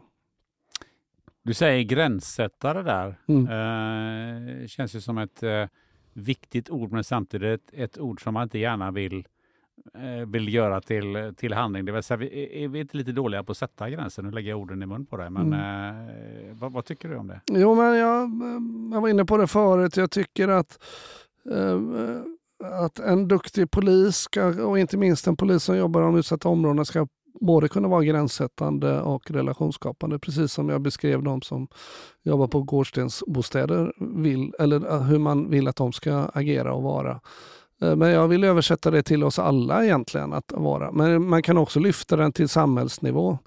Har vi varit tillräckligt gränssättande och relationsskapande till de som har kommit till oss i, i Sverige genom åren? Ehm, ja, mitt svar på det är ju nej. Eh, rent institutionellt borde vi kanske ha varit mer inkluderande på olika sätt. Men vi kanske också borde ha varit mer gränssättare mot vad man inte får göra och vad vi förväntar oss om man kommer till Sverige och så vidare. Eh, vad står vi om eh, tio år, säger vi, just när det gäller det här, eh, eh, de, de utsatta områden, kriminalitet och så vidare. Vad, vad, vad ser du framför dig? Är du optimist eller är du pessimist? Nej, men jag är absolut optimist. Eh, och eh, jag, eh, men jag ser att vi måste göra ett, ett hårt arbete allihopa. Och inte någon annan. Utan vi alla måste engagera oss. Ställa krav på både oss själva och andra i det här. Då. Och jag tycker återigen att, att ja, Gårdstensbostäder är en bra förebild. De har gjort ett jobb eh, och gjort det på ett bra sätt. Det går, man kan dra mycket lärdomar därifrån. Och- det, borde- lärdomen borde vi alla ta med oss. Det tycker jag vi skickar med eh, till lyssnarna. Vad gör du själv då? Mm. Det är en ganska, en ganska bra eh, fråga. Och, och det jag måste säga är att, att det jag och Henrik och Tove har märkt nu när vi har börjat berätta och prata om det här, det är att väldigt många vill göra. De, kommer, de vet inte vad de ska göra. Och, det är klart att det hoppas vi att, och har tänkt också att institutet ska kunna hjälpa till med. Eh, och som sagt det behöver inte vara några stora grejer, men ja, man kan engagera sig i läxhjälp till exempel. Mm. Eh, hur tycker du själv att eh, det har varit att sitta här och köta med mig? Eh, Ja, det var trevligt. Eh, Jag är extremt ovan att prata i, i, detta, eh, i något media eh, under så lång tid. Eh, Att du var så tålmodig. Det har jag, jag har mött många journalister som inte är det. Du har säkert ställt kritiska frågor men jag har inte märkt det. Så, det har varit en ny erfarenhet för mig. Ja, Mm. härligt. Jag lär sig något varje dag. Ja. Du fick ju också en liten uppgift av mig. Mm.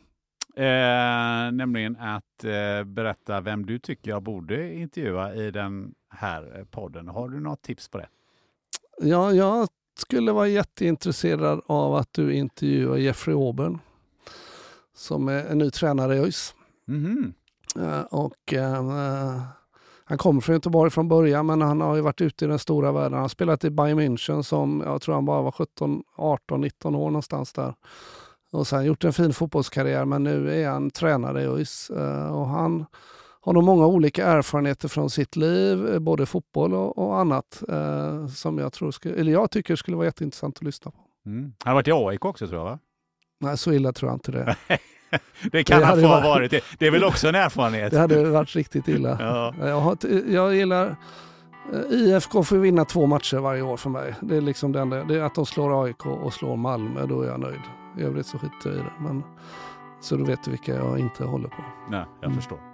Eh, eh, slutligen, eh, om man vill ha tag på dig eller om man faktiskt vill, vill, vill bidra i det, det som du har startat eh, här, hur, hur gör man på lämpliga sätt då? Ja, det så, jag finns eh, inte så mycket på sociala medier som du kanske har märkt. Men jag finns på LinkedIn. Eh, annars så kan man ju man kan mejla till mig på, på min mejladress. Och den är? Den är enkel egentligen. Eh, Den är Claes A. Friberg gmail.com. Mm. Men inga punkter utan bara och KLAS. Bra, perfekt. Eh, Claes Friberg, ett stort tack för att du Mm. ville vara med i den här podden. Tack själv. Du har lyssnat till det 153 avsnitt av podden Spännande möten med mig Gunnar Österreich. Gillar du det här avsnittet? Ja, då finns det många sätt att stödja podden. Gå in på Patreon.com och leta upp Spännande möten för att bli personlig sponsor. Swisha valfri summa till 123 611 4680. Numret finns också på webbsidan spannandemoten.se. Ge fem stjärnor i iTunes rating eller dela och gilla inläggen om podden på LinkedIn, Facebook eller Instagram. Eller gör alltihopa. Nästa avsnitt kan bli lite hur som helst. Äntligen har jag fått en inspelning med Nils von Heine, superentreprenören som blev schaman. Vad är ens en schaman? Jag är skeptisk till allt övernaturligt, så vi får se var vi landar. Tills dess så vet du vad du gör. Du sätter dig med en vän, du tar något gott att dricka och funderar på om ditt stjärntecken påverkar ditt humör på något sätt. Ha det gött!